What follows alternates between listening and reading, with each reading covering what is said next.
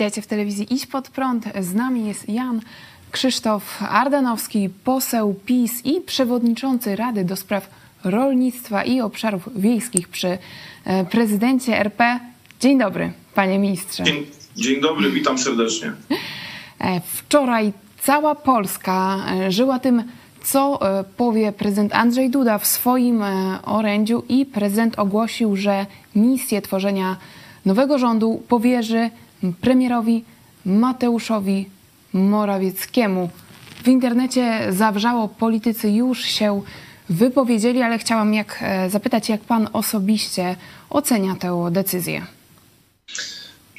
Ja patrzę na nią dość spokojnie i y, bez jakichś szczególnych emocji. Wydaje się być dość logiczna, bo uwzględnia również pewną tradycję, która m, po 1989 roku miała miejsce, że pierwszą ofertę stworzenia y, rządu otrzymuje polityk partii, która uzyskuje najlepszy wynik, która wygrywa te wybory. Oczywiście wiemy, że y, w demokracji parlamentarno-gabinetowej y, wygrywa tak de facto ten, który jest w stanie stworzyć większość parlamentarną, więc trudno tu mówić o zwycięstwie Prawa i Sprawiedliwości, bo szanse na kontynuowanie władzy na poziomie rządu są bardzo nikłe.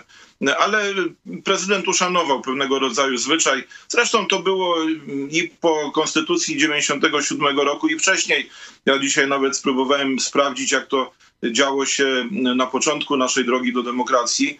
W 91 roku po ówczesnych wyborach prezydent Wałęsa najpierw próbował za wszelką cenę, by rząd stworzyła e, wtedy Unia Demokratyczna. Najpierw proponował Bieleckiemu, potem e, Gieremkowi.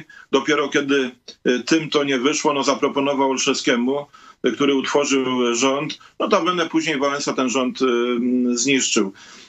Więc prezydent podejmując taką decyzję, wydaje się, zachował się racjonalnie. Czy premierowi Morawieckiemu się uda? Wydaje się, że tutaj wszystkie deklaracje obecnej opozycji, która zapewne za chwilę stanie się koalicją rządzącą, są jednoznaczne. E, Koalicji z PiSem nikt e, zawierać nie zamierza. Dla mnie też jest ważna e, ta druga, może bardziej symboliczna nominacja, czyli powołanie posła Marka Sawickiego na marszałka seniora. Jest to e, pewna funkcja symboliczna, chociaż na pierwszym posiedzeniu Sejmu no, bardzo istotna, ponieważ to marszałek senior ma, przepraszam za wyrażenie, ruszyć Sejm, rozpocząć, przyjąć ślubowanie i ym, y, przeprowadzić pierwsze wybory, które konstytuują y, Sejm, y, marszałka y, Sejmu i prezydium.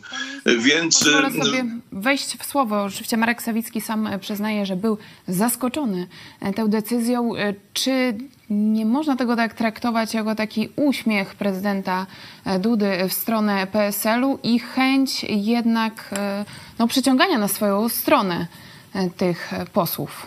Wie pani, pewnie, pewnie coś jest na rzeczy.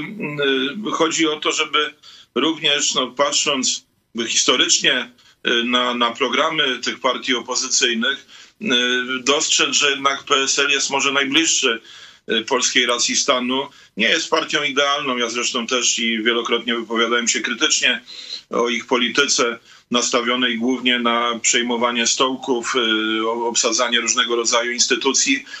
Natomiast jednak y, s- y, postawienie na Sawickiego to jest również postawienie, wydaje się, na konkretny typ polityka, na polityka o zachowaniu raczej koncyliacyjnym, raczej człowieka dialogu. Zresztą prezydent w swoim orędziu to również podniósł. Sawicki, który też i w swojej bogatej karierze popełniał różne błędy.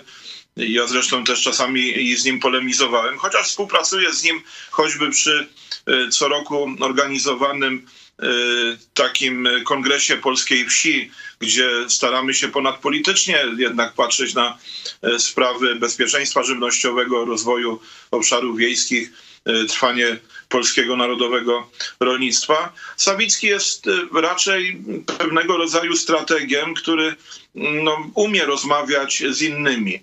Tego brakuje może wielu innym politykom PSL-u, którzy to obserwuję w różnych regionach, już tam nogami przebierają, żeby się dorwać do tych instytucji, gdzie są tysiące etatów, Agencji Restrukturyzacji, KRUS-u, KOWR-u, Doradztwa Rolniczego, etc., etc. Sawicki jest raczej człowiekiem, który patrzy tak mi się wydaje, tak go, tak go oceniam, bardziej strategicznie. I może prezydent chciał pokazać, że może, chociaż to jest bardzo trudne, przed wyborami było niemożliwe, po wyborach jeszcze kurz bitewny nie opadł, jednak jest potrzebna pewna refleksja nad tą wojną polsko-polską. Czy dalej e, okładać się cepem, e, e, obrażać się ja bardzo ubolewam, że PiS dał się wkręcić w tego typu narrację wyborczą. Był ewidentnie prowokowany wypowiedziami Tuska, innych polityków tak zwanej totalnej opozycji, ale nie powinien odpłacać pięknym za nadobne. Te wyzwiska... Panie, panie ministrze, pamiętamy wszyscy debatę w TVP, to jednak premier Morawiecki, on był osobą inicjującą, atakował Donalda Tuska, który oczywiście mu odpowiadał, to też należy nadmienić, ale wracając jeszcze do PSL-u, już mamy wypowiedź lidera E, PSL, posła Kośniaka-Kamysza, który powiedział, większość jest znana i spokojnie robimy swoje. Partie Paktu Senackiego są gotowe do wzięcia odpowiedzialności za Polskę. Tutaj raczej się wydaje, że PSL nie da się e, przyciągnąć PiSowi, ale chciałam jeszcze wrócić do e, tego uszanowania. Pan minister zwrócił uwagę, że prezydent Duda uszanował tradycję, ale chciałam zapytać, czy to, co zrobił, E, nie było e, tak naprawdę podgrzewaniem tej e, wojny polsko-polskiej. Przecież prawie 75% Polaków poszło do urn i kiedy popatrzymy na liczby, oczywiście jeśli popatrzymy na,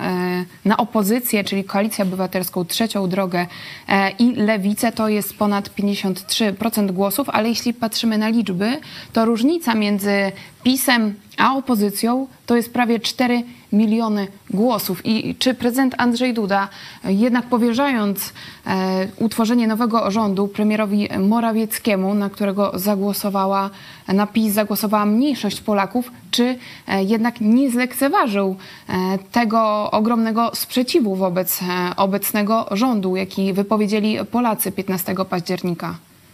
E, pani redaktor, to jest narracja, którą e, opozycja mocno lansuje.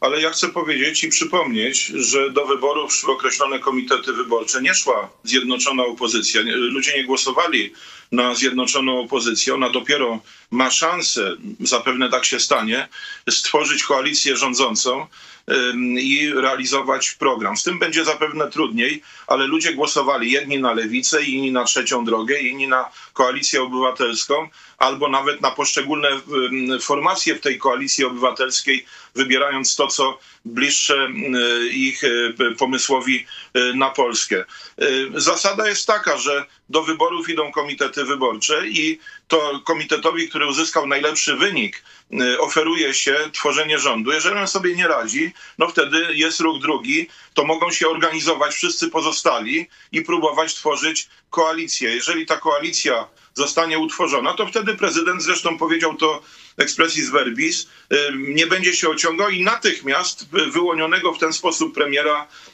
powoła i zaprzysięży rząd, który zostanie powołany. Na razie ja nie widzę, żeby prezydent łamał jakieś zasady. Martwię się raczej, czy, czy raczej czym innym.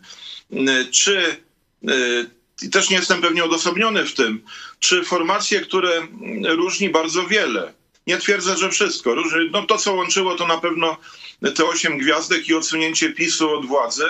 Y, również wykoślawianie y, y, wizerunku rządów Prawa i Sprawiedliwości. Wiele dobrego udało się uczynić. Oczywiście były ewidentne błędy. Ja zresztą o tym mówiłem również i u Was, punktując przede wszystkim w tym obszarze który, na którym się, jak sądzę, z nami, którym się zajmuje, czyli sprawy wsi, rolnictwa, relacji z Ukrainą e, i tak dalej, popełniając wiele błędów. Natomiast zbudowano narrację nienawiści do Prawa i Sprawiedliwości. Ja spotykam się z ludźmi, którzy niewiele polityką się interesują, ale mówią, proszę pana, teraz będzie dobrze, bo tego znienawidzonego kaczora odwołano, bo odwołano Prawo i Sprawiedliwość. Ja mówię, no dobrze, ale na czym pan buduje przekonanie, że teraz będzie realizowana polityka prospołeczna, polityka bezpieczeństwa państwa, polityka dla poszczególnych grup społecznych, bo kiedy słucham, i to jest również odpowiedź na e, Pani pytanie, jakie były programy poszczególnych składowych tej e, tak zwanej demokratycznej opozycji, to tam jest skrócenie tygodnia pracy do czterech dni, ale zatrzymanie również dotychczasowych wynagrodzeń, ba, zmniejszenie podatków poprzez kwotę, zwiększenie kwoty wolnej, e, ale zwiększenie wydatków na służbę zdrowia, na edukację, zwiększenie płac e, nauczycielom czy całej sferze budżetowej. No na Boga, no to się, to się mówiąc wprost kupy nie trzyma. Więc za chwilę będzie sprawdzam to jest normalne w demokracji, ja tego nie przeżywam. Tak, oczywiście. Byłem, no, myślę, byłem, to... byłem w opozycji również przez y, pierwszą y, y, kadencję Sejmu. To są normalne procedury. Raczej martwmy się, czy Polska będzie miała silny, stabilny rząd na trudne czasy, a te czasy niewątpliwie to, co jest wokół nas i w bliskim, bliskim sąsiedztwie, wojna na Ukrainie, pogróżki ze strony Rosji, coraz, coraz bardziej takie, bym powiedział, agresywne niebezpieczeństwo rozlania się konfliktu z Izraela, y, między innymi może zwiększenie y, imigrantów tam z Bliskiego Wschodu i tak dalej, i tak dalej. Tak, Nielogiczna tutaj, polityka Unii Europejskiej. To są realne zagrożenia, które wymagają silnego rządu. Czy ten rząd będzie się koncentrował na wzajemnych jakichś przepychankach, czy będzie w stanie prowadzić bezpiecznie nawę państwa polskiego nie wiadomo. Tutaj myślę, panie pośle, że e, wszyscy się zgodzimy, że Polska potrzebuje stabilnego rządu, szczególnie w obliczu wojen, które teraz e, toczą się, ale e, chciałam właśnie zapytać, według pana, doradza pan również panu prezydentowi Dudzie, na co, na co liczył prezydent Andrzej e, Duda tę decyzją. Przecież tak jak wcześniej pan minister wspomniał, nikłe są szanse na to, że PiS stworzy nowy rząd, a jednak e, prezydent Andrzej Duda już mamy trzy tygodnie po wyborach. On wczoraj ogłosił, że e, powierzy tworzenie rządu premierowi Morawieckiemu. Na co liczył według pana? Pani redaktor, jeszcze raz powtórzę. Wszystko mieści się w terminach konstytucyjnych. Tu prezydent nie łamie w żaden sposób prawa. Z drugiej strony gubimy się w tych wszystkich domysłach, czy koalicja jest faktycznie koalicją zawartą na piśmie, czy jest y, określony sposób sprawowania władzy. Teraz dopiero w sobotę y, PSL to zadeklarował, nie wiem czy Lewica już to zadeklarowała. I są pewne konkrety.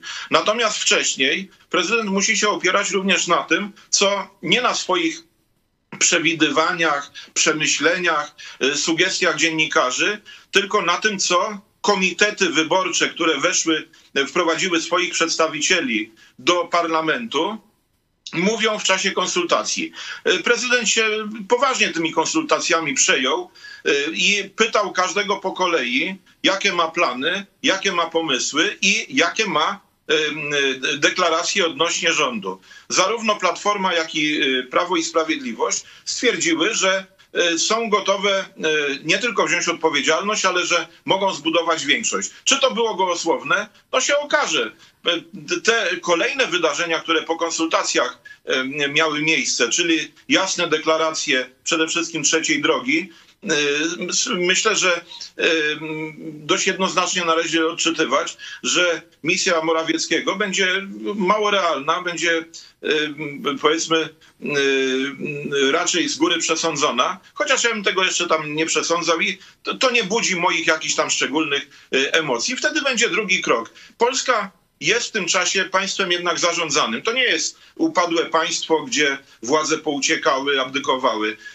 Jest nadzór nad armią. W miarę dobrze funkcjonuje gospodarka. Działają wszystkie instytucje państwa. Są realizowane zobowiązania państwa wobec obywateli, choćby system emerytalno-rentowy, wynagrodzenia itd., tak. Tak Budżet y, ma się w miarę dobrze, zbliża się koniec roku, więc nie ma powodu, by łamać jakieś procedury czy dobre obyczaje i o tydzień, dwa, trzy coś tam przyspieszyć, bo ktoś tam już nóżkami y, drepcze i już tam marzą mu się te wszystkie stołki, czy jak to często panie, ludzie mówią, koryta. Panie ministrze, y, chciałam też y, jeszcze na chwilę przejść do sytuacji w PiSie. Kilka dni temu w rozmowie z RMF powiedział pan, że Jarosław Kaczyński powinien kogoś namaścić i ktoś powinien być przygotowany do przejęcia rządów e, na prawicy, jeżeli ona ma przetrwać. I, również dodał pan, że sytuacja, która uzależnia wszystko, co się dzieje w tej partii od jednego człowieka, nie jest sytuacją normalną. I chciałam zapytać, czy może pan e, minister rozwinąć, jak, jak widzi pan e, przyszłość ja, PiSu? Tak. Ja potwierdzam to, co powiedziałem do RMF, to zawsze jest tam pewien skrót, ale Jarosław Kaczyński jest niewątpliwie osobą nietuzinkową. To jest człowiek, który może raz na parę pokoleń się rodzi. Ja zresztą bardziej byłem związany z jego bratem, bo byłem doradcą Lecha Kaczyńskiego do y, pamiętnego 10 y, kwietnia. Natomiast partia, która jest oparta wyłącznie o jednego człowieka, nawet może i genialnego, może i człowieka o wielkich predyspozycjach intelektualnych, y, partia, która y, w której wszystko zależy od jednego człowieka, nie jest y, normalnie funkcjonującym organizmem. Przecież temu człowiekowi może coś się stać. Jest zresztą już też i, i w wieku dość sędziwym, schorowany po doświadczeniach, których nikt chyba nie chciałby przeżywać, związanych i ze śmiercią brata, i z różnymi upokorzeniami, które w życiu musiał przeżywać. Ta partia Y, odegrała ważną rolę w ostatnich y, dziesięcioleciach, y, nie tylko ośmiu latach, ale przecież funkcjonuje dłużej, polskiej sceny politycznej. Realnie sprawowała władzę, mając, powtórzę to jeszcze raz, pewnie się narażam wielu widzom, odnosząc wiele sukcesów i stabilnie prowadząc Polskę w okresie wyjątkowych zagrożeń, które w tym czasie były. Ale realnie patrząc, jej wpływ na społeczeństwo słabnie wynik wyborów pokazuje, że owszem, jest jakiś tam twardy elektorat, jakieś twarde jądro, natomiast nie udało się przekonać y, społeczeństwa, popełniając y, moim zdaniem szereg wad. Ktoś za to też, za te, za te błędy musi jakiegoś próby wyjaśnienia należy podjąć. Mam nadzieję, że ta partia będzie zdolna do pewnej samo, samooceny, do autorefleksji, może do jakiejś odnowy, y, jakiejś sanacji, ponieważ jeżeli chce przetrwać jako ważny element sceny politycznej, jako organizacja y, y, ogarniająca, organizująca polską centroprawicę, to również musi stanąć w prawdzie w stosunku do tego, co się wydarzyło w ostatnich wyborach. Ja jestem w stanie tych potknięć, mówiąc już bardzo delikatnie, wskazać wiele. Brak jakiegoś większej logiki e, w podejściu do ludzi młodych. Przez 8 lat przybyło 8 nowych roczników wyborców, a 8 odeszło do lepszego ze światów, do Pana Boga. Więc czy była odpowiednia odpowiednie przełożenie dla, dla ludzi młodych. Ja y, bardzo denerwowałem się w zakresie, czy w związku z taką radykalną, agresywną kampanią i tu jedna strona była winna i druga strona. Czy zaczepiał Tusk, a Kaczyński mu odpowiadał, czy prowokacje były z drugiej strony, to, to każdy może to samo ocenić. Ja uważam, że my nie powinniśmy odpowiadać na, y, y, w sposób bardzo ostry na zaczepki.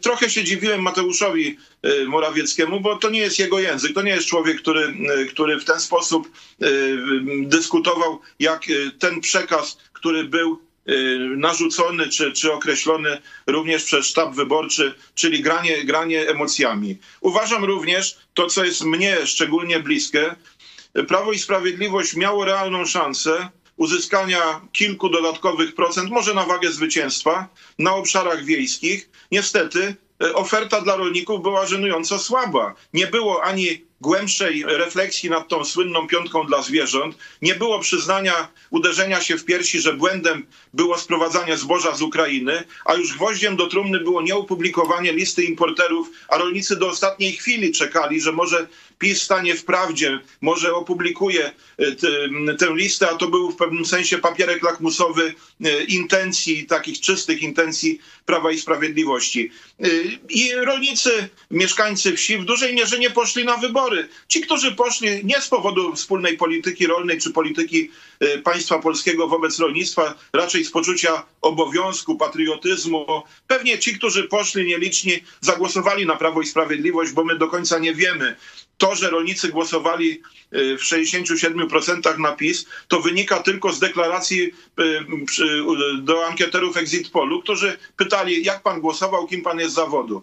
Jeżeli by y, na 100 głosujących jeden rolnik tam był i powiedział, jestem rolnikiem, głosowałem na PiS, to znaczy co? 100% rolników głosowało na Prawo i Sprawiedliwość? To jest jakiś absurd. Możemy opierać się na danych z Państwowej Komisji Wyborczej, które mówią wprost, frekwencja na obszarach wiejskich była znacznie niższa niż w miastach, w gminach do 5 tysięcy mieszkańców. To są te gminy rolnicze, te podstawowe gminy rolnicze, których w Polsce jest najwięcej. Prawo i Sprawiedliwość w stosunku do tego, co było 4 lata temu, w 19. Ja już nie mówię o 20 o wyborach prezydenta, gdzie na wsi było poparcie 70 y, prawie procent dla, dla prezydenta, ale mówię o wyborach parlamentarnych. Y, frekwencja niższa. W tych gminach y, typowo rolniczych ubytek głosów dla Prawa i Sprawiedliwości 410 tysięcy. W gminach od 5 do 10 tysięcy mieszkańców ubytek głosów 185 tysięcy. No przecież to są te głosy, które w 2019 roku były dla PiSu, bo była nadzieja, było zaufanie. Niestety ta nadzieja i zaufanie nie zostały odbudowane. Rolnicy oczekiwali do ostatniej chwili jakiejś, jakiejś propozycji e, innej niż tylko opowiadanie o tym, że dotacje będą do wszystkiego, w które nie wierzyli, bo dotacje są uważane za kiełbasę wyborczą, na dodatek budżetu na te dotacje, mówiąc wprost, stać nie będzie. Dotacje do wszystkiego. Oczekiwali pewnego stanięcia w prawdzie i się nie doczekali. W związku z tym zagłosowali nogami i nie poszli. I ubolewam, bo Prawo i Sprawiedliwość mogło Mówię to absolutnie odpowiedzialnie, bo zrobiłem bardzo dobry, nawet niespodziewany w dalszym ciągu przeze mnie wynik u siebie w okręgu wyborczym, e, robiąc kampanię bardzo skromną, na miarę bardzo skromnych środków e, finansowych, e, kampanię przede wszystkim wśród rolników i na, na, na obszarach wiejskich.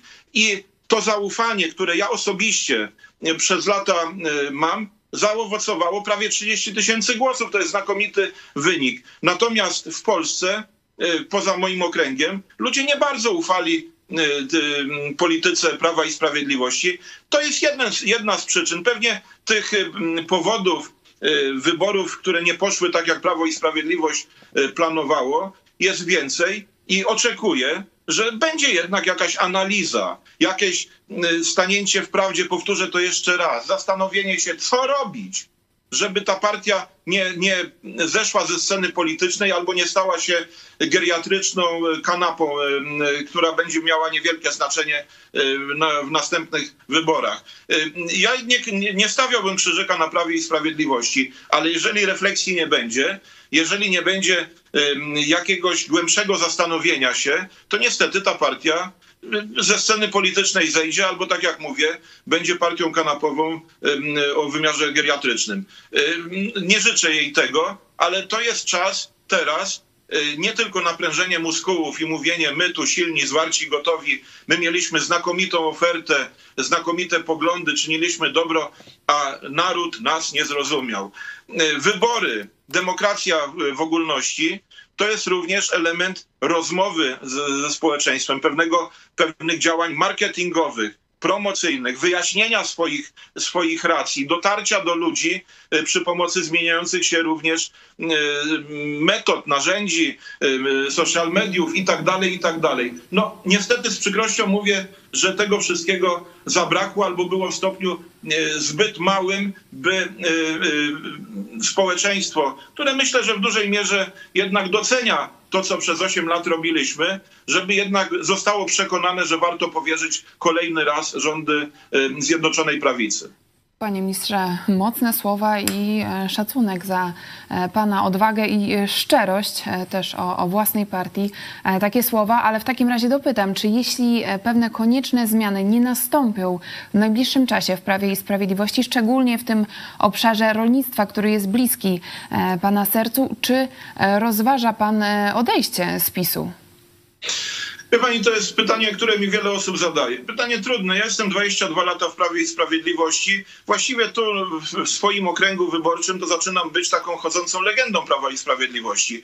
Ale ja traktuję y, aktywność polityczną, tak jak mówił Arystoteles, jako mądrą troskę o wspólne dobro. Staram się to dobro lepiej, gorzej czynić pomagając ludziom, również współpracując tu z różnymi podmiotami w budowaniu tego dobra. Ja nie traktuję partii jako w takim charakterze bolszewickim, że to jest zespół, który musi wykonywać polecenia jakiejś góry, bo my, my tworzymy tę partię, również ja ją tworzę, a nie tylko ci, którym się wydaje, że wszystko wiedzą i choćby to, to, to, to, przekonanie o tej nieomylności sprawiło, że taką, a nie inną e, kampanię wyborczą e, przeprowadziliśmy. Ja nie chcę z Prawa i Sprawiedliwości odchodzić, chociaż jeszcze raz powtórzę, widzę szereg mankamentów. Jest tam wielu wspaniałych ludzi wielu wartościowych, bardzo mądrych ludzi, którzy są również zdegustowani tym, co się dzieje. Są również przerażeni tym, co się będzie działo z tysiącami, nie, i pani się nie przesłyszała, z tysiącami, z dziesiątkami tysięcy ludzi, którzy pracują w administracji, y, którzy y, y, w różnego rodzaju instytucjach pełnią określone funkcje, a słysząc zapowiedzi, wendetty, zemsty, brzytwy, która ma wszystko wyrżnąć e, e, ze strony e, już tej przebierającej nogami opozycji, która chce się dorwać do, do władzy. Ci wszyscy ludzie mają być upokorzeni, mają być wyrzuceni, mają być zniszczeni tylko dlatego, że ich nominacje miały miejsce w okresie Prawa i Sprawiedliwości. Oczywiście zmiana władzy w każdym kraju, w Ameryce również e, tak jest, dotyczy zmiany e, na stanowiskach zasadniczych, kluczowych, na stanowiskach w administracji precyzyjnie określonych. Natomiast z wypowiedzi polityków dotychczasowej opozycji wynika, że to będzie czyszczenie aż do stróża przy bramie. No, Panie ministrze, tutaj... ja, się też, ja się też tego obawiam. E, tutaj my, przynajmniej e, w telewizji Idź Pod Prąd, e, przed wyborami zapraszaliśmy polityków z różnych opcji tutaj z, z naszego regionu, z Lubelszczyzny. Niestety nikt z Prawa i Sprawiedliwości nie przyszedł do naszego studia, a politycy z Koalicji Obywatelskiej owszem. I my zaczęliśmy też projekt właśnie Strefa Dialogu, bo zależy nam właśnie, żeby też po wyborach zapraszać polityków z, z wszystkich opcji i starać się ze sobą rozmawiać, bo Polacy przede wszystkim pokazali, e, że zależy im na państwie polskim. E, prawie 75% e, frekwencji to jest, to jest rekord. I z drugiej strony, no też ja uważam, że nie powinniśmy tego zmarnować i mam nadzieję, że też politycy Prawa i Sprawiedliwości będą chętni do tego dialogu. My oczywiście zapraszamy. Cieszę się, że dzisiaj pan minister przyjął zaproszenie, ale tak jeszcze od siebie dodam, że rzeczywiście przynajmniej mi, moim znajomym o powiedzmy takich bardziej konserwatywnych poglądach zabrakło e, w tych wyborach e, takiej opcji politycznej e, właśnie wolnościowej i zarówno konserwatywnej, ale miejmy nadzieję, że to zmieni się w najbliższych latach. Bardzo dziękuję za rozmowę i za szczerość. Ja, ja dziękuję za tego typu inicjatywy, one są potrzebne, bo podziały w Polsce, nie tylko ten podział główny Platforma PiS, ale podziały ideologiczne, podziały dotyczące przyszłości Polski, oceny tego, co się dzieje, są dramatycznie głębokie. One zagrażają bytowi państwa polskiego. Ta wolność, którą mamy, nie jest dana raz na zawsze. Y, o tym może szczególnie powinniśmy pamiętać w praktycznie tuż przed Narodowym Świętem Niepodległości. Trzeba rozmawiać i ja w ten sposób również oceniam działania prezydenta również i te jego gesty wobec choćby Sawickiego. To jest pokazanie pewnego sposobu myślenia, że my się możemy różnić w bardzo wielu kwestiach. I ja się mogę różnić z Sawickim, ja się mogę różnić z wieloma osobami. Jestem człowiekiem o bardzo pre, konserwatywnych poglądach związanych z religią, z etosem solidarnościowym, z aksjologią europejską, ale trzeba rozmawiać, żeby nie zmarnować Polski. I Prawo i Sprawiedliwość nie może obrażać się na rzeczywistość. Mówię to bardzo otwarcie, chociaż moim kolegom pewnie w klubie parlamentarnym to się nie będzie podobało. Nie wiem, czy mnie nie będą chcieli z tego klubu y, usuwać, ale niezależnie od tego, my musimy szukać pewnego, pewnej zgody co do podstawowych zasad kierowania y, i przyszłości y, państwa polskiego, bo inaczej możemy to wszystko zmarnować, a będą się cieszyli tylko ci i w, i w Moskwie, i w Berlinie. A przecież nie o to chodzi. Państwo polskie ma trwać wiecznie.